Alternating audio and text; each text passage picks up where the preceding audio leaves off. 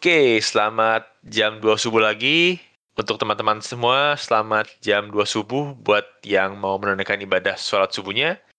Dan juga teman-teman kita di mana pun kalian berada, nggak kerasa nih setelah dua minggu, kita ketemu lagi sama kita-kita lima orang yang sekarang lagi butuh break, butuh istirahat, dan juga butuh penyemangat dalam hidup. Kira-kira butuh penyembuhan nih. Ada yang merasa begitu juga nggak sama kayak gue?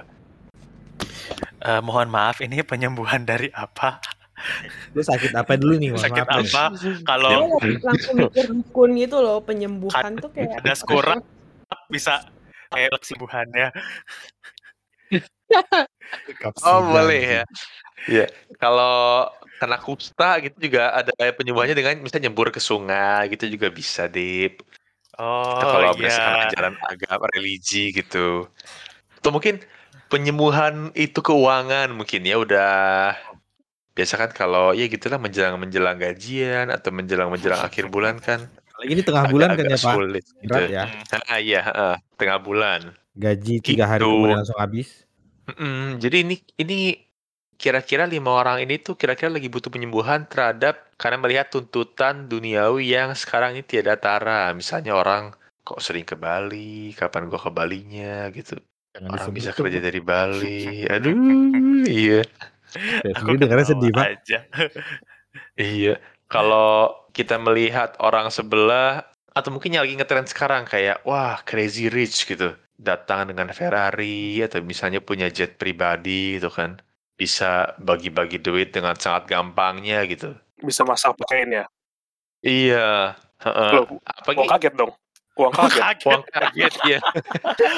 Oh, bukannya Iya, ini iya, no. mikrofon pelunas hutang. panggil Helmi Yahya aja udah ke kampung lu tuh sama Iya. mbak bang kaget kan Uang Kalau kaget sih kalau nggak. Kalau nggak ikut iya. itu aja acara tukar nasib. itu itu apa lagi pak saya nggak pernah dengar tuh Oh ya itu acara udah. zaman SD ya, Pak? Kayaknya Lupa iya deh. acara kapan. Kayaknya ya? iya deh. Pokoknya itu iya, acara zaman-zaman. yang miskin sama yang kaya ditukar pak nasibnya pak. Jadi Mm-mm. yang Hmm. si cuma kaya beberapa hari kan ya Iya cuma beberapa hari. Iya, iya. Oh. Heeh, tinggal dan melakukan pekerjaan Hmm. yang si miskin ini si miskin tinggal di rumahnya yang kaya kayak gitu. Ah. Tapi itu kayak aduh kasihan gue sebetulnya ngelihatnya. oh saya biasanya cuma nonton uang kaget sama bedah rumah pak dua itu doang Uang, sama- uang kaget tuh sebetulnya ajarannya tuh negatif nggak sih mengajarkan kita hedon dalam waktu Hedon dalam waktu singkat singkatnya. kita 10 tidak boleh 30 menabung. ya itu mengajarkan strategi. kalau nggak salah ya Ah, bener. Kan ada pinter kan dibeliin duitnya dibeliin emas gitu kan, dibeliin Iya, investasi. bisa. Oh, emas boleh. boleh, Boleh. tapi nggak Oh, tapi nggak boleh boleh. semua di convert jadi emas inget gua Heeh, heeh, ada Oh, berapanya gitu. gitu, Ada tapi belum limitnya bisa. berapa. Heeh. Iya, beli sapu, pengki. Yang biasa gue lihat kan kayak eh, beli TV, beli kipas Nah, iya. Odesta Iya. mungkin. Hmm. eh. biasanya itu Ki- yang, oh, yang, yang klaim itu iya. biasa beli emas beli HP Hmm, anaknya lagi pengen Tamiya, beliin Tamiya gitu ya. nah iya biasanya itu Hmm. itu pretelan-pretelan kecil tuh udah lima Ada menit gue terakhir nggak lah tahu gitu. bisa beli emas. Ada juga nggak minyak? ada Itu beli kayak sembako ada, juga sembako ada ada, Ada. sembako ada. Ada. Iya, Mana topiknya susu. jadi ini ya. Topiknya jadi Kita- uang kaget. Kita mau ngomongin apa sih aja? Lu nih Iya. Oke oke oke. Emang ngikutin apa cerita lu Iya, aja Karena Crazy Rich. oh, Tapi Crazy jujur, Rich. Pas dulu gue nonton Uang Kaget, gue tuh sempet kepikiran sih, aduh gue bisa kayak gitu gak ya? Maksudnya gue bisa dapat kesempatan didatengin orang, dikasih duit gitu gak gitu? Tapi ya sudahlah, hanya di TV saja. Iya pak Ya makanya mungkin nyari supir Iya. mami. Eh, Eh, Oh. Ro- Robert satu yang aduh jangan disebut di sini pak kalau itu pak ya Iya, iya mohon maaf ya 18 Iya, plus ya. plus. Oh, silakan lanjut, Pak. iya, iya, iya. Nah, is it- oke oke. Nah jadi kan tadi dengan tuntutan duniawi, sosial media, ada crazy rich juga. Nah mungkin itu kan nggak cuma kita doang yang terekspos sama sosial media itu, tapi juga ada beberapa anak-anak di usia puber, umur 14, 15, atau, atau mungkin anak yang baru mau masuk kuliah gitu kan, dengan melihat ekspos seperti itu mungkin mungkin sedikit membentuk mental dia gitu ya, mental anak-anak ini. Contohnya nih, jadi kita dapat satu pesan dari teman kita juga yang lain, tidak saya sebutkan namanya. Jadi ada nih satu orang ngepost di Twitter curhat gitu ya. Coba gue Curhat dong, Mas. bacain nih. Curhat Aduh. dong. Curhat dong. Ya, sorry sorry. Gue gak pernah nonton. Mungkin Gio yang bisa jawab itu. Gio Gua kan kalau belajar ujian nontonnya Mama Dede. Kan teman doang, teman ini. Tapi kan setidaknya maksudnya curhat dong mah itu kan lu biasa mendengar kan. Kalau gue kan gak Oh pernah. biasa, nih. iya Oh, itu biasa. dia. Gue bilang tadi Gio yang bisa jawab. Subhanallah. Heeh, nanti ada Abdel kan, Abdel kayak subhanallah. Kayaknya gue pernah nonton sekali deh pas bulan itu bulan-bulan. Nah, itu tiap hari belum biasa. Tiap hari nanti Yang ada yang Oh Iya kan? beda. Oh kalau pas yang buka tuh beda lagi ya. Assalamualaikum. enggak beda, beda. Beda. Itu tiap pagi, Pak. Oh Heeh, kalau ini Oh, nanti beda. eh, konsepnya biasanya mama ini semua mama eh, pengajian atau mama heeh. Iya. terus nanti tiba-tiba ada ya siapa yang mau curhat gitu kan curhat dong ma nanti si Sabtu berdiri iya Ini mas saya lupa. sama suami saya gini gini gini gini mohon maaf ya hari ini kenapa jadi temanya reality show ya kayaknya ya Ini ini. Iya, iya. Tapi menarik nih curhat curhat dong mah solusi berdasarkan Al-Quran dan hadis untuk mencapai kehidupan bahagia. Oh, udah, lagi. Tapi ya jadi nih gue bacain curhat Balik lagi, salah balik satu Iya. orang. Jadi agak panjang sih. Gue anak 21. Gak nyangka ternyata kuliah itu seburuk itu untuk mental health. Semester 1 kemarin gue udah dihujanin materi sama tugas yang bener-bener banyak. Akibatnya waktu gue buat self healing sama self reward jadi agak kurang. Yang tadinya gue masih non- bisa nonton Netflix sama cecetan sama bestie, sekarang jadi susah banget. Gue kayaknya belum siap kuliah deh gue udah ngomong ke ortu kalau gue mau cuti dulu semester ini. Gue mau fokus healing selama 6 bulan ini, tapi ortu gue malah nggak setuju. Bahkan gue dibilang manja gitu. Gue bingung mau gimana, takutnya kalau gue paksain IPK gue malah tambah anjlok. Gue juga susah komunikasiin ini ke orang tua gue karena mereka nggak aware soal mental health kayak gue. Terus gue mesti gimana? Nah, gitu kira-kira. Hmm. Ya, tempat dipersilahkan. Ini Hmm. saatnya apa nih? Kita memberikan solusi untuk adanya. Eh, Heeh, tadi Roberta udah kata-kata hal- bijak. halnya mungkin Heeh, Roberta atau mungkin satu frekuensi gimana nih? Iya. Coba Roberta kalau Tanggapan. lo sebagai posisi sebagai ibunya mungkin. mungkin sebagai pemadede mungkin Pemadede. dengan hadis.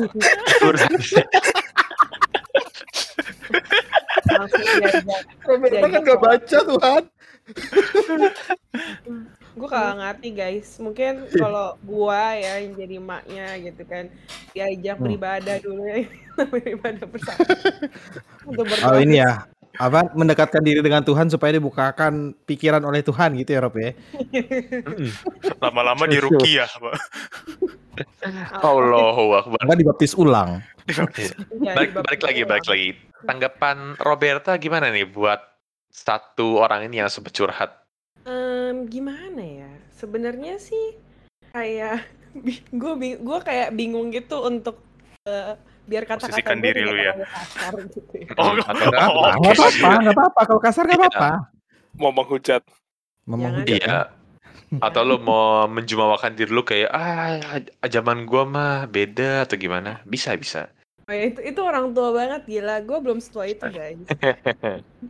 Ya maksudnya kayak ya nggak tahu ya mungkin emang fenomena zaman sekarang ya di mana orang-orang itu kayaknya merasa em, dirinya itu kayak di tempat yang paling tinggi gitu ya. Jadi kayak oh ini gua nih yang harus apa sih di kondisi ini kan dia kayak oh harus self reward aduh harus self healing gitu. Kayak kesehatan mental mungkin ya emang karena kondisi sekarang di mana orang-orang pada sering banget ya ngomongin soal oh mental tuh harus diutamakan gitu. Jangan terlalu diforsir gitu-gitu. Jadi sebenarnya gue bingung juga sih kalau kondisi kayak gini ya. Di satu sisi di zaman sekarang ada namanya eh, hustle culture di mana mengutamakan hustling tapi di sisi lain ada juga di ekstremnya satunya lagi gitu di mana mengutamakan self healing gitu. Jadi sedangkan kan hidup itu pasti di tengah-tengah ya harusnya ya gitu Yoi. Mm-mm. Harus di mana balance ya ada hustle-nya tapi ya nggak usah hustle kayak orang gila, tapi kita ya harus tetap ada waktu-waktu untuk self reward gitu. Tapi kalau untuk kondisi seperti ini sih namanya anak kuliah itu di mana-mana ya emang kayak gini gitu. Lu mau kuliah di mana pun juga kayak gini. Mau lu cuti setahun pun juga nanti lu balik lagi juga bakal kayak gini. Dan cuti itu cuma akan ngaruh mungkin happy-happy seminggu dua minggu pertama pas masuk kembali ke kuliah atau kerja ya. Kayaknya gue berasa gitu ya. Gue stres, terus gue mau cuti gitu kan. Terus udah cuti, abis itu kayak pertama-pertama kayak happy. Cuma ujung-ujungnya juga stres lagi.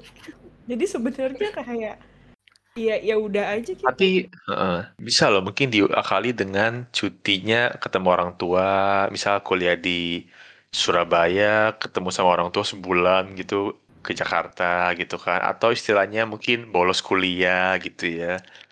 Atau mungkin bisa kuliah online sekarang kan itu juga bisa gitu. Iya, apalagi sekarang kuliah online. Berarti kalau gitu dia emang mostly di rumah kali ya. Mungkin karena Mm-mm. di rumah nggak ketemu temen, kerja kerja doang gitu. Jadinya ya kayaknya sih sebenarnya self reward sama self healingnya mungkin banyak ya caranya. Cuma tidak cuti bukan satu-satunya gitu dan ngomongin mental health kayak ya udah ada buktinya belum sama psikolog gitu. Kalau udah ada baru gitu. Kalau emang depresi atau gimana.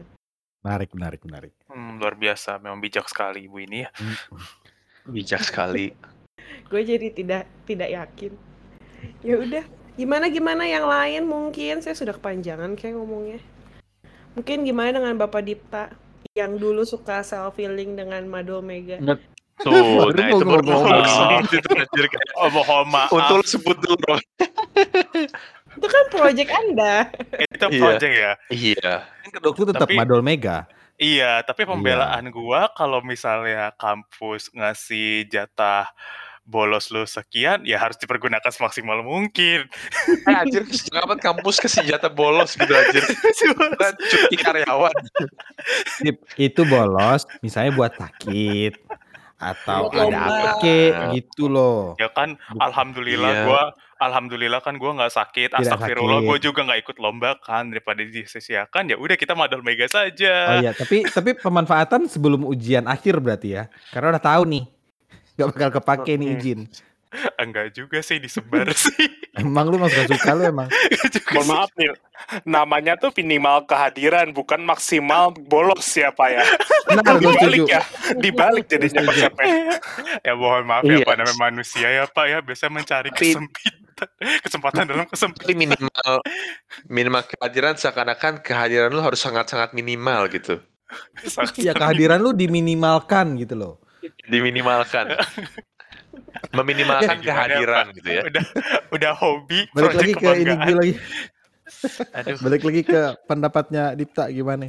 jujur sebetulnya gue nggak bisa ngasih apa-apa ya karena ya gue tuh nggak tahu kan sebetulnya kayak internally sebetulnya dia tuh kayak apa cuma ya balik lagi sih tadi kayak yang Roberta ngomong lagi ya lu maksudnya kayak ya lu cuti enam bulan itu kalau lu balik lagi kayaknya sama aja kan kayak ya lu stres lagi lu ngulang ke cycle yang sama gitu. Kecuali kalau misalnya emang eh ya gue kan nggak tahu juga sih sebetulnya emang ini dia tuh eh, stres butuh healing apa karena emang materi sama tugasnya aja yang banyak atau mungkin misalnya kayak yang eh, ya itu tadi misalnya kayak ada yang toksik lah di lingkungannya misalnya temennya atau dosennya yang kayak begitu. Cuma maksud gue ya tadi juga gue setuju sama Roberta ya healing lo itu maksudnya healing itu eh apa Hmm. namanya opsinya tuh banyak nggak cuma cuti doang sih kayak gitu kan. Dan emang kalau misalnya lu cuti enam bulan ini kayak sebetulnya objektif lu apa sih? Apa kalau emang lu healing doang atau emang lu nggak cocok sama kuliahnya kayak gitu. Kalau misalnya lu emang nggak cocok sama kuliahnya ya ya lu di tengah-tengah lu cuti itu ya lu cari yang lain bukannya lu healing yang kayak gua nggak tahu nih orang healingnya kayak gimana ya bukannya lu up dan dan dia itu masih minta duit sama orto atau enggak kalau dia masih minta duit sama orto ya gue udah nggak ngerti lagi sama orang ini. Karena ya kan bayangan gue kalau healing ya biasa orang-orang kebanyakan kalau healing kan ah gue mau liburan gitu-gitu kan. Ya kalau masih pakai duit orto terus liburan buat enam bulan ya elunya healing orang tua lu yang broke orang tua lu yang butuh dihilingkan jadinya nantinya Yang keuangan nyokap bokap lu ya. Iya, heeh. Iya. Makanya kayak gitu sih maksud gua kalau emang kalau misalnya emang healingnya karena ya lu emang maksudnya kayak lu ambil cuti karena emang lu nggak cocok sama kuliahnya ya lu nyari opsi yang lain nyari opsi yang lain gitu kayak ya misalnya lu carilah apa opportunity yang lain atau gimana gitu atau mungkin misalnya lu nggak cocok kuliah pengen langsung bisnis ya udah itu ya it's okay. Cuma kalau misalnya lu healing gara-gara apa maksudnya kayak lu butuh healing gara-gara lu dapat materi sama tugas yang banyak ya maksud gua lu ya di hidup bakal kayak gitu loh. Lu nanti di kerjaan kayak gitu lah lu mau bikin bisnis sendiri juga lebih lagi lah kayak gitu. Kalau healing terus lu nggak biasa. lu nggak bergantung sama duit orang tua lu itu lebih-lebih lagi lu mesti mikir aduh besok gua healing gua mesti gimana ya duitnya dari mana gitu ya sama aja beban pikiran Hmm. lu gitu-gitu aja sih kayak gitu sih dari gua lebih takut gue Ya soalnya nih menurut gue, gue juga agak setuju sama yang kayak Dipta bilang tadi. Soalnya ini kan dia juga baru satu semester kan ya gitu loh. Mm-mm, Kalau mm-mm. emang Hmm. baru apa? Kalau emang lu merasa tidak cocok dengan kuliahnya, ya Tapi silakan consider untuk cari yang lain gitu loh. iya mm-mm. Entah lu mau bimbel lagi kek atau lu mau apa lagi terserah lu lah gitu loh. Iya. Tapi setidaknya lu tidak nggak apa ya. Kalau gue melihat di sini emang dia menggunakan kata-kata self healing ataupun self reward itu sebagai tameng kalau gua Hmm. rasa ini kalau feeling gue ya dari membaca ini ya dia dia, dia kaget sama kondisi pada saat dia kuliah gitu loh. Mm-mm.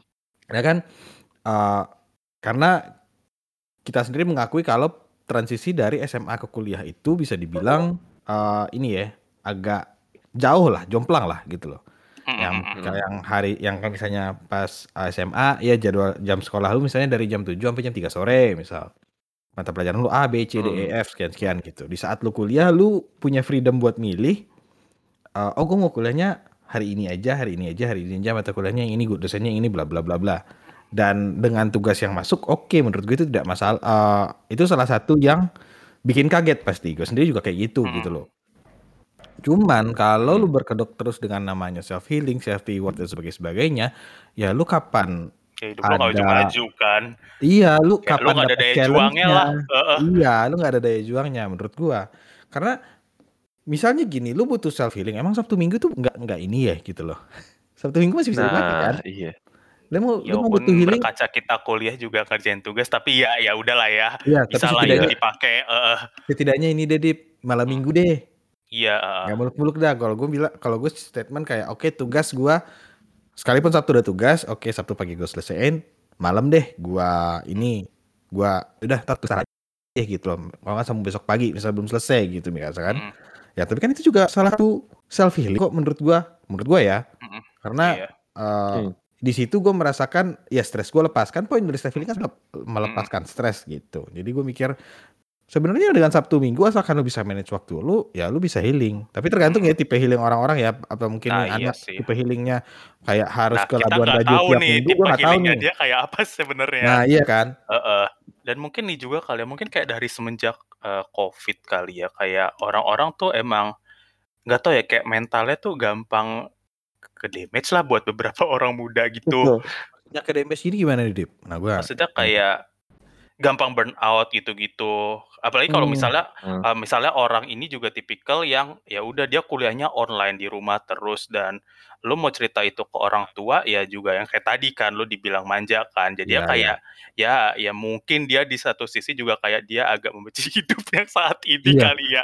Bisa Mungkin jadi kayak sih. gitu. Cuma ya Nah, tadi iya. balik lagi yang kayak kata Roberta pelarian lu itu ya nggak cuma cuti enam bulan gitu kecuali kalau emang lu cuti enam bulan ada tujuannya oke gue nggak cocok kuliah gue iya. pengen explore yang ini ini tapi kalau emang Hmm. healing lu misal tadi healingnya lu makan-makan tuh jalan-jalan enam bulan menurut gue it's too long sih dan ya waste of money and waste of time juga Setuju. Makanya gue ini, ini penasaran nih dia enam bulan mau ngapain gue bilang. Mm-mm. Healing healing tai kucing Hmm. enam bulan ini ngapain gitu loh. Dan akhirnya pas kembali lagi Iya. tuh dia emang beneran siap nggak? Jangan-jangan udah Nah, iya. bulan, Heeh. pas kembali gue justru makin nggak siap Nah, itu, gitu. heeh. kalau akar masalahnya nggak ketemu ya sama-sama aja. Iya kan? Hmm. Maksudnya tidak ada yang lu resolve selama dalam proses lu itu kan? iya heeh. Ngapain? Kuliah itu liburnya lumayan lama gak sih lagi? ya itu yang gue seneng sering Iya. kuliah Nah, Dibanding SMA kuliah liburnya lebih panjang loh. iya Minimal bulan sebulan sendiri. iya. Kita kan Ah, ah. iya. Kalau misal pas kena lagi lebaran gitu kan, oh itu makin lama Wah. lagi gitu. ah iya Iya. Tapi Iya. mungkin emang balik ke yang kayak Dipta bilang tadi, ini kan panas karena emang lagi pandemi juga ya. Di saat mereka mungkin ya, ya Iya. pandemi mau ngapain sih gitu loh di rumah doang.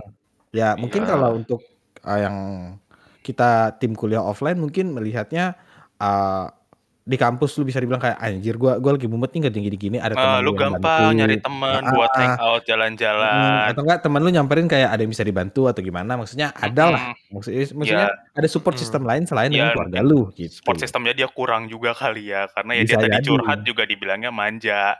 Tapi ya, ya Iya. mungkin gue Nah, sebagai iya. orang tua juga pendekatan pertama gue gitu dulu kali ya. Iya juga sih Ya sebenarnya pasti kayak kita sebagai orang bertua kok lu manja banget gitu-gitu awal-awal. ya karena pikir, Ya, gua nggak tahu juga pasti sih. membandingkan dip itu Mm-mm. Iya bener. tipikal kita Kayak kayak zaman zaman papa. gua dulu nggak gini Iya. ah gitu loh Iya. Ntar gue mikir zaman papa dulu papa madul mega. Aduh. Iya nanti paling gue ngomong Aku zaman papa, papa dulu madol mega, kok kamu Iya. kuliah terus, kamu nggak mau bolos, bagus dong kembali kan kamu ya. kamu Bagus nggak mau liburan dulu deh. Anaknya tercengang-cengang tuh berarti. Oh gitu ya gitu ya. Oh iya iya iya. iya. jangan gitu dong Oke Hmm. mungkin ada pendapat Tem. lain. ya dari Gio mungkin Dari Gio, huh? Mungkin ya gimana ya daripada daripada menghujat terus mungkin kita coba cari sedikit pembelaan mungkin ya. pendekatan lain Hmm, mungkin ya Pendekatan Boleh lain, boleh boleh. pendekatan lain. Heeh. boleh Ya bisa dibilang kan ya mungkin ya ini dengan berarti dia kalau dia bilang dia adalah do, anak 21 in- 21 berarti kan beda generasi ya berarti ya. Nah, generasi generasi kalau mungkin Eh kita tiba-tiba, eh sorry gue potong deh. Tiba-tiba tuh gue baru nyadar ya. 21 tuh emang baru semester 1 ya? angkatan 2021 pak Oh sorry Nah, maaf, itu gue kira 21 2021. tahun. Maaf maaf kan maaf. bukan Nah, angkatan 2021, Pak. Oh iya maaf, Berarti sekarang silakan mungkin lanjutkan. umur 17 mungkin. Iya mungkin. Iya, ya. mungkin. ya 15, Emang 17 udah jauh kok ya. pak dari kita ini angka Heeh, beda kan udah lumayan kan? ya, ya. Jangan menyebut Heeh. angka lah, jangan menyebut angka perbedaannya ya. Tapi minimal pokoknya sudah pasti beda ya. Nah, kan eh, Jauh, kalau generasi jauh, Pak, generasi bawah ini eh, udah mendapat kepraktisan sejak mereka lahir ya. Jadinya kalau kalau mungkin kita saat kecil eh masih belum ada komputer, belum ada internet, masih tulis tangan, kita pernah cerita SMS-an dan lain-lain sebagainya. Sementara si anak-anak ini dari kecil sudah terpapar, terekspos dengan teknologi-teknologi macam-macam. Jadi udah kebiasa dengan segala hal yang praktis, praktis, praktis, praktis, praktis gitu kan. Mm-mm. Nah, dan itu kan nggak bisa disalahin juga kan ya memang teknologinya maju, memang berkembang, ya siapa juga mau yang mundur kan pasti ya. Memang keadaan yang membentuk mereka seperti itu. Itu dari satu sisi. Dan nah, tapi juga dari sisi lain justru harusnya ya teknologi inilah yang dipakai buat buat ini kan. Justru harusnya dimanfaatkan ya kalau misalnya perlu healing ya manfaatkanlah teknologi. Jangan kalau kita dulu healingnya jalan-jalan ya mungkin sekarang bisa berbeda healingnya dengan teknologi dari nonton Netflix dan sebagainya. Walaupun dia komen lebih ke arah manajemen waktu ya kelihatannya ya. ya kalau gue lihat iya sih Mm-mm. Hmm. Ya betul. heeh. Nah, manajemen waktu juga ya itu juga nyambung juga dengan kepraktisan-praktisan itu kan kalau eh mungkin dulu kita eh apa kuliahnya offline mungkin perlu manajemen waktu kita perlu ke kampus jam segini perlu cari makan jam segini segini segini saat kuliah online kelihatannya eh sama juga kita juga kerja juga kan jadinya manajemen waktu biasanya memburuk ya Mm-mm. karena terasa lebih gampang kan pak jadinya Heeh. ah diundur-undur dikit bisa lah gitu loh kadang kan kayak gitu juga kan godaan banyak kan Yoi. ada lagi kerja itu ada buka tab ini dulu ah eh bukain Aduh saya banget. Nonton dulu apa Iya, gitu. aduh, Aduh. eh Iya. Ya jadi ada efek dari situ juga kan ya Mm-mm. nah tapi juga satu sisi ya itu bahwa eh, apakah dia tentu kita nggak tahu juga kan ya ini keadaan universitas kayak gimana kuliahnya kayak gimana itu juga kita nggak bisa ngejudge kayak gitu nggak bisa bandingin dengan kita mungkin mungkin berbeda universitas soalnya kita mungkin ini tapi ya eh yang kayak tadi kayak tadi itu ya memang namanya kuliah itu kan ya pasti salah satunya adalah eh, adaptasi dari dunia dunia SMA ke kerja berarti kan. Yap. Nah, kok gue jadi kayak ini ya, kayak kayak ceramah ya ke sana ya. Umum nih aja, kesannya ya. Kan melihat dari sisi yang lain ini. iya Hmm, ini Kenapa? mencoba mencoba mencari perspektif lain. Nah, eh tadi apa? Oh kan, eh, jadi eh ber- dengan eh, dengan eh, adaptasi itu, eh kalau kalau gua ngelihat kelihatannya sih eh, sebetulnya eh kalau dunia pendidikan kelihatannya udah cukup banyak ada adaptasi dengan perbedaan generasi ini, dengan kemudahan-kemudahan macam-macam dengan sistem di online kan dan semacam-macamnya. Nah, tapi apakah nanti di kerjaan perubahannya secepat itukah? Kan nggak semua tempat kerja bisa berubah secepat itu ya. Banyak tempat kerja Ya. yang cukup kolot mungkin ya gitu ya. Jadi masih eh, gap dengan usia generasinya lebih banyak dengan generasi-generasi yang atasnya masih banyak juga jauh. Jadi mungkin perubahannya nggak bisa secepat itu. Jadi nggak bisa mengakomodir perubahan-perubahan mereka ini juga. Jadi ya mau tidak mau ya mereka juga har- harus bisa ada adaptasi. Kita pun juga dulu adalah adaptasinya pasti kan. Nggak Ya. se nggak segampang itu juga buat adaptasi. Ya ini juga berarti mau nggak mau salah satunya ya harus belajar juga adaptasi ya. Eh tapi juga kita juga nggak bisa eh, ngejudge gitu ya. Soalnya juga memang ya banyak juga memang an- orang-orang yang benar-benar stres gitu memang ada juga kan yang memang akhirnya sampai Mm-mm. sampai eh, ter- ke- ke- terganggu mentalnya dan sebagainya gitu juga. Ya memang ada kasus-kasus tertentu tapi nggak nggak semua orang juga pastinya nggak itu eh itu kasus-kasus tertentu aja dari zaman dari zaman kita kuliah pun juga ada yang gitu kan sebetulnya kan. Cuma ya mungkin lebih banyak lebih banyak dipendam dan nggak ini. Dan sekarang kan sebetulnya ya banyak juga fasilitas-fasilitas yang udah mendukung kan kayak psikolog-psikolog yang gratis yang online gitu. Udah mungkin universitas punya punya kayak semacam BK gitu mungkin atau apa biro konseling dan sebagainya mungkin itu juga bisa dimanfaatkan. Jadi ya eh alasan healing ini nggak bisa sepenuhnya dibenerin juga gitu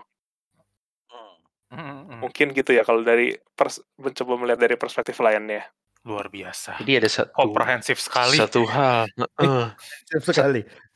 Iya, kayak langsung tercerahkan gitu. Kayak Mm-mm. tadi gue emang kepikiran nih dari dia juga bilang kita harus adaptasi gitu kan. Maksudnya generasi kita pun kita adaptasi. Dan gue juga mikir sih apa gue juga entah harus beradaptasi dengan generasi yang akan datang misalnya di 2030 gitu. Mungkin teknologi makin maju, apakah nanti generasi mereka bakal ngatain gue gaptek gitu. Kayak gue gue sempet mikir kayak awalnya gue harus ketinggalan apa yang bisa dibikin gue tuh gaptek gitu. Mungkin sih misal mungkin ntar aja anak-anak sih ini main Banyak banyak. Nah, bisa jadi eh, banyak kayak ntar si anak ini sering banget main TikTok gitu kan atau mungkin ada banyak sosial media Mohon yang maaf baru nih, sekarang ada metaverse ya. Jadi anak-anak mainnya di Hmm. metaverse nanti. kayak Cuman waduh. pakai VR VR doang lo mainnya berarti Eh, nggak main mm-mm. keluar lagi. Nah, yang begitu-begitu nih bahkan gimana ya? Dulu ya gitu sih. Nah, yang terkait adaptasi yang Gio bilang tadi, kalau gua nangkepnya lebih ke gini, eh, intinya ha, si generasi dua generasi yang berbeda ini tuh mesti saling memahami lah karakter generasinya itu seperti apa. Mungkin ini sebenarnya cuman eh, bisa dibilang cuman itu kayak cuman karakter general kali ya sebenarnya semuanya gitu gitu loh. Cuman di sisi lain lo tetap harus paham. Mungkin kayak kejadian kayak sekarang ini kita mungkin nggak paham ya yang mereka maksud seperti self healing atau self reward dan sebagainya, sebagainya itu gue kurang paham nih tipenya self healing mereka kayak gimana. Mungkin kalau tipe self healing gue hanya sekedar dengan nonton YouTube sudah cukup, mereka mungkin masih belum cukup yang kayak gitu, kayak gitu kan. Tapi di sisi eh, itulah poin di mana kita harus beradaptasi sehingga permasalahan-permasalahan kayak gini menurut gue itu nggak bakal kejadian gitu loh. Hmm, Hmm. Gimana lu masuk ke real world sih sebenarnya? Karena iya iya kuliah sebenarnya itu udah semi real world menurut gua. Hmm, hmm, Walaupun tidak se real world itu tapi setidaknya iya. eh, apa eh, multikulturalnya ada, maksudnya terus Iya, pressure-nya juga gitu, ada, kayak- ya. Heeh. Mm-mm. apalagi itu ya kayak anak-anak yang ngekos Iya. mungkin lebih ke mandirinya juga itu juga salah Iya. satu ini ya salah satu poin juga gitu loh. iya yang tadinya harus ngeles sekarang belajar harus sendiri Nah, iya. Ya yang nggak ada lesnya gitu loh. Oh Ya, lu mau les sama Heeh. siapa coy? Mata Sama mata temen kan paling. beda. Ya paling sama Sama temen lu lah. temen yang Iya. iya, iya. Dan itu pun teman lu nggak dibayar kan? iya Nah, iya. Kalau zaman sekolah tuh dulu hidup lu cuma buat nilai gitu. Maksudnya ya kerjaan PR, ulangan, libur, bagi rapot, gitu terus gitu. Iya. Mm-mm. Di saat itu masih ada orang tua lu nih yang ngebimbing lu dari belakang gitu. Hmm, kan ya dengan freedom yang dikasih ke lu lah, lu ngapain sebenarnya terserah lu gitu loh. Cuman lah lu harus bertanggung jawab dengan apa yang udah lu janjikan kepada orang tua lu. Itu aja menurut gua sebenarnya. Dan mungkin satu lagi ya soal adaptasi ini juga ya kita juga nggak bisa memungkiri lah bah pasti kita juga perlu saat berhadapan dengan mereka dengan genera ge dengan generasi generasi di atas kita pun juga kita pasti pernah adaptasi kan. Jadi kita pernah, eee, apa, eee, misalnya sopan santunnya seperti apa dengan generasi yang ini mungkin cara ngomongnya harus berbeda, cara jelasinnya harus berbeda. Nah, eee, tapi, eee, kita juga nggak bisa memungkiri bahwa kita pun juga sebetulnya perlu adaptasi juga dengan angkatan, eee, angkatan yang generasi di bawah kita. Ya, Jadi ya Mhm. sebetulnya harusnya apa, harusnya ketemu di tengah nih harusnya. Tapi memang pasti ada ego biasanya bahwa pengennya, "Ya lu yang harus pahamin gua nih." Nah yang sering kejadian kan kayak gitu, jadinya kayak terutama dari generasi bawah nih kayak ya pengennya ya lu yang nerima gua apa adanya gitu, gua emang kayak gini, ya kenapa lu nggak bisa berubah Hmm. kayak gua gitu, kan kayak gitu sering terjadinya. Nah yang harus mungkin dipahami bersama ya bahwa adaptasi itu perlu kita ketemu di tengah gitu. Jadi ada adaptasi dari satu pihak dan satu pihak lainnya juga beradaptasi gitu mungkin kali ya. Tapi terkadang tuh gue mikir ya, apakah milenial nanti ke depannya akan berperilaku seperti boomer ke milenial ya?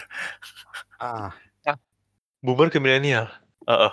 Kan kalau Jadi sekarang boomer ke milenial kan dasar milenial apa-apa pengennya Iya. inilah ini ini ya. Tapi apakah Bisa- nanti milenial kejadian sih. ya menurut gua kayak ya udah itu maksud ya jadinya kayak semua sebetulnya semua generation bakal fasenya kayak gitu gak gitu. sih? Behaviornya Hmm. bakal gitu sih. Iya, bisa. Heeh. Heeh. Lebih ke kayak ya membandingkan diri sendiri gak sih Dip? Iya, Maksudnya heeh. membandingkan diri iya. sendiri gitu loh. Iya. Kayak Itu udah sifatnya manusia sih. Cuma ya tergantung lagi Iya. kadar toleransinya itu. Kan kalau kalau kadar tolera, toleransi itu kan sebetulnya level individu ya. Sebenarnya Mhm. bukan level generasi. Iya. Bukan, iya. Hmm. Iya. Makanya balik yang gue Kayak- bilang tadi ketemu di tengahnya itu. Mm-mm. Iya, iya. Itu yang perlu. Namun disclaimer ya Tadi- ini ya para pendengar ya, kita bukan di sini Kita bukan tidak ada yang bukan, bukan- profesional, Iya. bukan psikolog, bukan sosiolog, bukan apa-apa ini gitu kan. murni Kita murni cuap. Iya. Murni cuma Walaupun cuap kadang, gara-gara kita inginnya jadi panjang. sosialita ya. Iya. Iya. Eh, tapi satu hal yang menarik dari Dipta, apakah nanti generasi apa milenial bakal menghujat seperti baby boomer ke kita gitu ya? Mungkin pas kita kuliah kita kan juga sempat dibilang kan, aduh zaman saya dulu mah kuliah susah dapat A gitu kan. Itu kan membandingkan. Nah sekarang mungkin secara nggak langsung dan nggak sadar kita lagi membandingkan juga nih generasi yang sekarang dengan generasi kita zaman dulu. Mungkin Iya. emang Ya, ya, karena nature-nya perlahan-lahan manusia kita sih. juga bandingin, iya gitu ya. Hmm. nature-nya manusia. Kayak Nah iya gitu. dulu mungkin kita sebagai pendengar ah bapak dosen lebay amat dulu dapat ah susah amat ngomel. Nah sekarang kita juga lagi ngebandingin generasi yang sekarang dengan dengan yang dulu gitu. Mm-mm. Ya gitu. Iya sih, kayak kan gue kan banyak nerima anak intern kan. Terus Waduh. Gila-gila Gimana, emang Bu? Gimana, gimana, gimana? Oh, gimana gimana gimana. Panas panas kayaknya. apa? ya kan ngobrol lah sama anak-anak yang baru lulus gitu kan. Terus kayak wah beda banget sama zaman gue dulu. Maksudnya kayak gitu ya tuh ada gitu meskipun ya mungkin nggak ngomong ya. kayak Kayak general aja gitu ya. Biar Iya, biar maksud- kita merasa paling tersiksa gitu ya. Heeh. Hmm, padahal kan. bedanya nggak se- nggak sebanyak itu juga kan beda umurnya. Iya, sebenarnya nggak sebaik itu yang anak-anak yang baru lulus lah, paling beberapa tahun ya kan kita nggak tua-tua banget lah ya. Mm-mm, masih Iya, muda lah. maksudnya kayak gitu aja Itu kita 2000 udah berapa? berasa, Heeh. wah beda banget gitu berasanya kayak gitu. Kadang-kadang Ah. emang playing victim Iya. aja sih kadang-kadang. Itu secara nggak sadar udah membandingkan gimana ntar kita lebih gede lagi gitu ya. Iya, nanti Ah, kalau kita makin- udah lebih jauh hmm. lagi kayak semakin membanding. Iya. Oh, lebih Generasinya makin banyak tuh yang di bawah dibandingin semuanya. Iya. Iya, generasi alpha, generasi beta, heeh. Heeh. generasi delta, generasi omikron, generasi apa lagi? Eh, Oh, mohon maaf lo pikir generasi Kan. covid. Generasi covid. mana udah punya anak nanti kan, mah. Aduh. Iya. Gosip orang tua tuh jadinya kan. Iya nanti paling gue Nah. kayak ah apaan sih anak zaman sekarang mainnya kayak gitu dulu mah gue main ngata-ngatain sama orang tua. Makanya kadang lawakan-lawakan begitu di TV kalau orang kalau kalau orang-orang nyebut tuh kayaknya anak-anak sekarang nggak relate deh. iya. Karena emang Hmm. beda pak jenisnya. Iya. Heeh. Nah itu Hmm. dia. Iya. Iya. Kalau dulu kan Ini kayak sebenarnya yang nggak ada internet ya udah kita cari yang begitu-begitu. Kan ada internet mungkin ya mereka source-nya dari internet lah jokesnya gitu-gitu. Iya. Jokesnya mungkin Yang- udah jokes-jokes Iya barat yang gitu ya, kadang Pak, pun ya. dark jokes aja dilegalin tuh gue udah sebel banget. Nah, Wah iya sih. tapi Agak-agak berbeda gitu. serem juga anjir. mm. tadi nih gue mau highlight satu. Jadi kan dari curhatan si anak ini kan dia bilang nih, gue bingung mau gimana takutnya kalau paksain IPK gue malah tambah anjlok.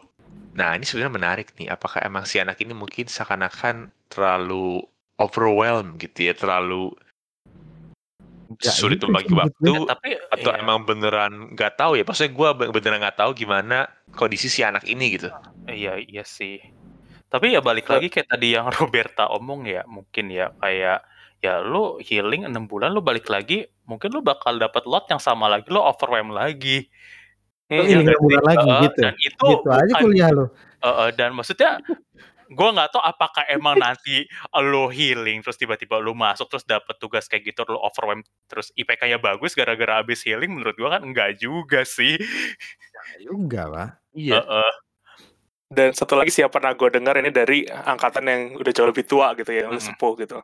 Ya. Bahwa generasi kita dan generasi sudah kita itu sebetulnya udah eh, sama-sama udah apa menurut mereka itu generasi yang takut gagal. Jadi Mm-mm. eh, Iya.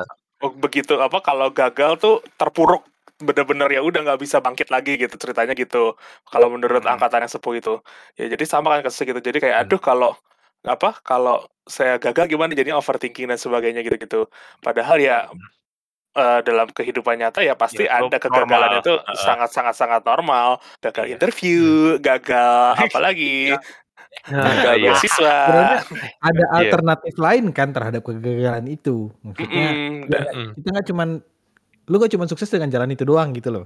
Iya, namun kadang-kadang ya takut kayak aduh udah udah takut duluan sebelum gagal kayak dapat C pun aja kayak apa bisa nilai C gitu misalnya sudah Iya. sudah takut gitu jangan kadang-kadang gitu. Mm-mm. Tapi itu mungkin ada dua alasan kali ya. Mungkin yang pertama emang lu gua nggak tahu didikan orang tuanya kayak gimana, tapi didikan orang tua kan bisa ngedoktrin lu buat kayak gitu kan kayak oh kalau misal lu dapat nilai jelek ya lu masa depan lu bakal gini-gini kan.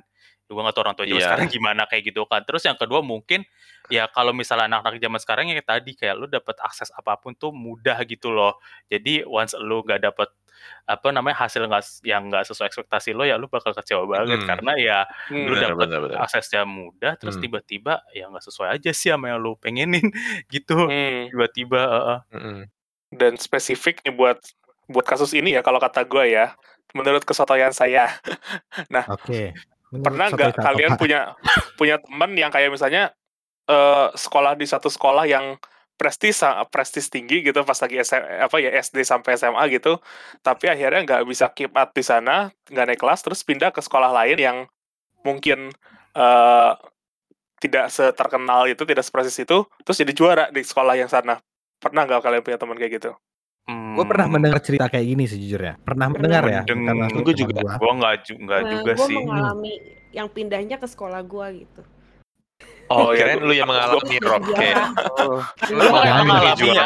dari Iya. di Bangalor gitu. Iya, terus Terus lu deportasi. Wow, abang sekali ini ya. Deportasi Pindahnya langsung ke Jakarta. Tuh jadi juara gitu di sekolah gua gitu. Kayak pas di Jakarta kayak ah susahan di Bangalor. Apa Iya. ini? Iya di India mah semuanya serba sikut-sikutan gitu. Ya, aku harus belajar SAT di sana wis. Sini aku mau belajar Wow. perkalian. Sini belajarnya dengan PTN. Mm-mm. nah gitu jadi apa eh, kadang-kadang itu kan sekolah pun juga berbeda-beda ya ada yang Ya. pace-nya cepat ada yang Hmm. pace-nya lambat nah ya mungkin dia tidak cocok di universitas yang saat ini atau dengan Hmm. jurusan yang saat ini Iya, kayak gitu jadi bisa jadi dia alternatifnya mungkin mencarilah eh, yang lebih tepat dengan pace-nya dia seperti itu misalnya Ya, itu Nah, kalau- tapi satu lagi, kema- udah mah mungkin udah masuk zona nyaman, udah itu takut gagal lagi, mencoba pindah ke yang baru bisa jadi seperti itu juga. Hmm. Hmm. Hmm. Dan mungkin juga jadi tekanan buat dia kayak misalnya 10 atau 8 dari 10 anak mendapat didikan yang sama. Kamu kalau gagal kamu bantuin mama ya ngepel di rumah. Nah, jadi kan nggak boleh gagal. Kamu dapat 5, Terus dapat merah. males ya nggak mau Kamu pindah. rumah. Kesannya kayak bantu ngepel bisa banget gitu. Iya. Gue udah jadi kayak gitu. Iya. Nah, maksudnya si anak ini kan eh, gitu kan takut kalah gitu atau enggak takut insecure kan Mhm. dengan mental anak lain yang juga nggak mau nggak nggak mau gagal gitu. Jadi kan mungkin aib gitu kan. Jadi wah si anak Ya. ini berhasil kok gua jadi nggak kayak dia gitu kan. Iya, nanti Nah, dibilangin kamu depresi lah nanti jadi dia gitu. Kamu Mm. jadi pegawai kalau gagal kamu nanti jadi pegawai McD. Padahal apa salahnya pegawai McD? Padahal banyak juga kan yang misal dulu pegawai McD terus sukses sekarang gitu. Mm-mm. Nggak ada kan. Iya. Heeh, Makanya terkadang doktrin-doktrin kayak gitu yang sebenarnya ngerusak menurut gue ya. Iya. Buat Mungkin nggak tahu hidup. sih Atau zaman mungkin iya. nggak tahu zaman Mata- nanti ah, kayak gimana ya. Cuma kalau dulu mungkin ya dulu ya karena lu menuju ke jalan yang lainnya susah mungkin ya di doktrinnya kayak gitu kali ya. Ya, misal lu pegawai ya Iya. udah lu susah dapat opportunity lain di luar cuma kan sekarang kayak yang ada internet lu bisa ke expose ke mana aja kan Iya, sebenarnya. nah itu Walaupun dia. lu Hmm. Gitu ya, Iya, mungkin benar. karena dulunya eh, generasi orang tua kita ya kayak gitu jalannya susah jadi ya doktrinnya kayak gitu mungkin ya. Ah, mungkin Mm-mm. stylenya itu kayak lu harus kerja keras biar lu sukses gitu loh. Mm-mm. Nah, iya. Hmm. Lu nggak boleh gagal sedikit pun kalau lu mau jadi orang kaya misal. Padahal Nah. sebenarnya jalan ke situ tuh nggak kayak gitu gitu loh. Masih lu masih banyak cara-cara lain. Tapi itu yang secara langsung bikin anak lu jadi seperti mungkin anak yang curhat ini gitu ya. Aduh ditekan Iya, sama orang bisa- tua terus. Bisa Hmm. jadi. Ini lihatnya udah 360 nih kayaknya nih dari segi Iya, dari kita- segi generasi atas bawah gitu Semua ya. sudut Iya. ya makanya. Padahal Muncrat. ya Allah ini anak orang-orang apa ya? Orang-orang random doang. Iya, padahal nggak ada expert apa-apa, sotoynya aja. Iya. Dari awal gua Iya, bentak-bentak kita- dengar dengar penjelasan Gio, ya juga ya gitu loh. Iya. Maksudnya ya ini kita Aduh. menurut gua udah udah putar semuanya sih. Iya dari Kan- sudut orang tua, sudut si anak, sudut kita Iya, sendiri, udah semua ya. sendiri juga ada, iya.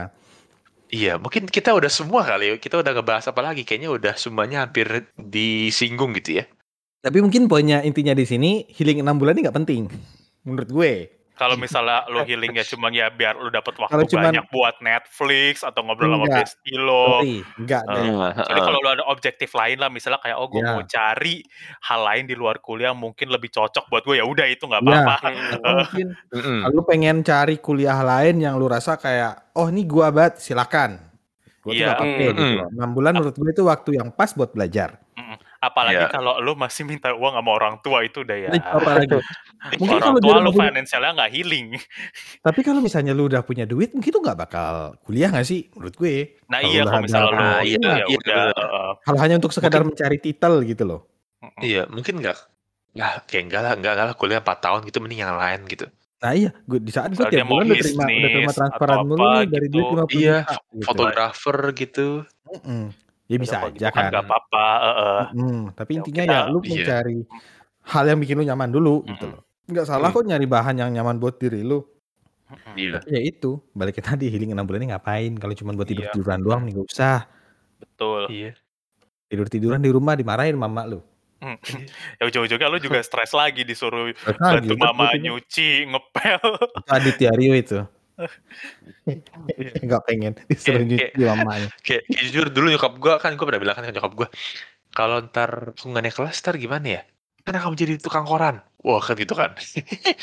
Tapi saya bercanda Itu sih. Kayak lagi. Udah, ya udah ada udah ada warning warning. Aduh anjing jangan sampai gua nggak naik, jangan sampai gua nggak naik gitu kan. Ya intinya semoga adek ini bisa menemukan Jalan yang dia inginkan. Lah, Ah gitu loh. betul. Eh, itu harapan Artinya- kita semua Mm, gitu iya. kan. Tidak hanya healing untuk bisa nonton Netflix. Ah, ah, ini Ah, sebenarnya bisa ah. didiskusikan apakah dengan orang tua kah ya kan karena lu bilang nih ribut ah, bermasalah dengan orang tua Mm-mm. ya udah diselesaikan dengan Mm. orang tua seperti apa atau mungkin lu bisa mencari Iya. cara healing yang yang lu rasa healing healing simpel aja nggak usah yang ribet-ribet lu harus jalan-jalan ke Bali duduk di canggung nggak usah kayak gitu banget gitu. Mhm. Iya. Oke lah, paling itu aja. Jadi buat si anak ini mungkin kalau butuh healing bisa ke kita-kita juga gitu. Kita membuka konseling, pembinaan, penyembuhan batin gitu. Psikolognya, psikolognya Roberta ya. Langsung Mm. mentalnya rusak semua. Nah, ini ini ini dapat sertifikat psikolognya dari mana dulu nih? Udah main Ilegal. buka praktek aja lo. Ilegal anjir. Cuma Oh, cuap-cuap hampir sejam udah mengakui diri. Iya. bikin sendiri Iya, iya. Oke lah itu aja topik kita mengenai pembahasan self healing, self apa tadi namanya self healing, self reward. Gue hampir bilang self monitoring. Self healing, self self healing, self reward. Nah mungkin kalau kalian yang butuh self healing berupa skincare, mungkin apa namanya something atau misalnya yang lain-lain bisa tanya Bang Dipta gitu kan atau misal butuh self healing Mohon nonton maaf kenapa gue Mohon maaf ini lagi promosi sales ini jadi sales. Iya, Lu lu kapan di hire jadi SPG-nya something nih BTW? ini sponsor kah? iya tuh Ada iklan ada alhamdulillah. sponsor Ada. Alhamdulillah. ada iklan. Iya, akhirnya. boleh Akhirnya podcast ini iya. menghasilkan pundi-pundi. akhirnya ya iya ini dengar-dengar kan Dipta lagi eh, lagi demo trial something gitu kan mungkin yang lain gitu kan ntar bisa lah kita ya tanya-tanya ke Dipta juga gitu Rusak Iya. sudah.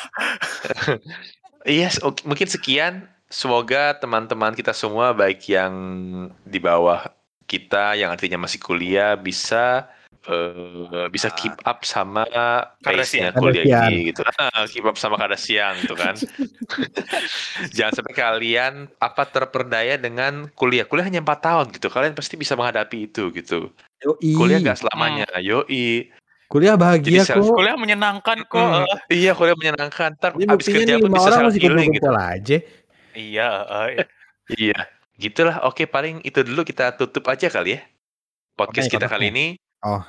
Ah, podcast kita kali ini sekian dulu dan jangan lupa buat yang udah mumet-mumet kuliah nonton-nonton dulu, jalan-jalan, makan-makan sama Mungkin temen dengerin gitu podcast kan. kita bisa bantu kalian healing. Boleh, Ah. boleh. heeh. Silahkan. Kalau mau lihat foto-foto foto-foto covernya bisa langsung ke Instagram kita juga. At podcast Jam Iya, 27. boleh, boleh. Dan komen di situ Ah. mau cerita-cerita juga silahkan. Mm-mm, boleh. Boleh, boleh. Oke. Sip, paling itu aja. Kalau gitu selamat subuh Healing-healing. dan ah, selamat self healing dan kita berjumpa lagi di podcast berikutnya. Oke, see you. Dadah. Bye. Bye.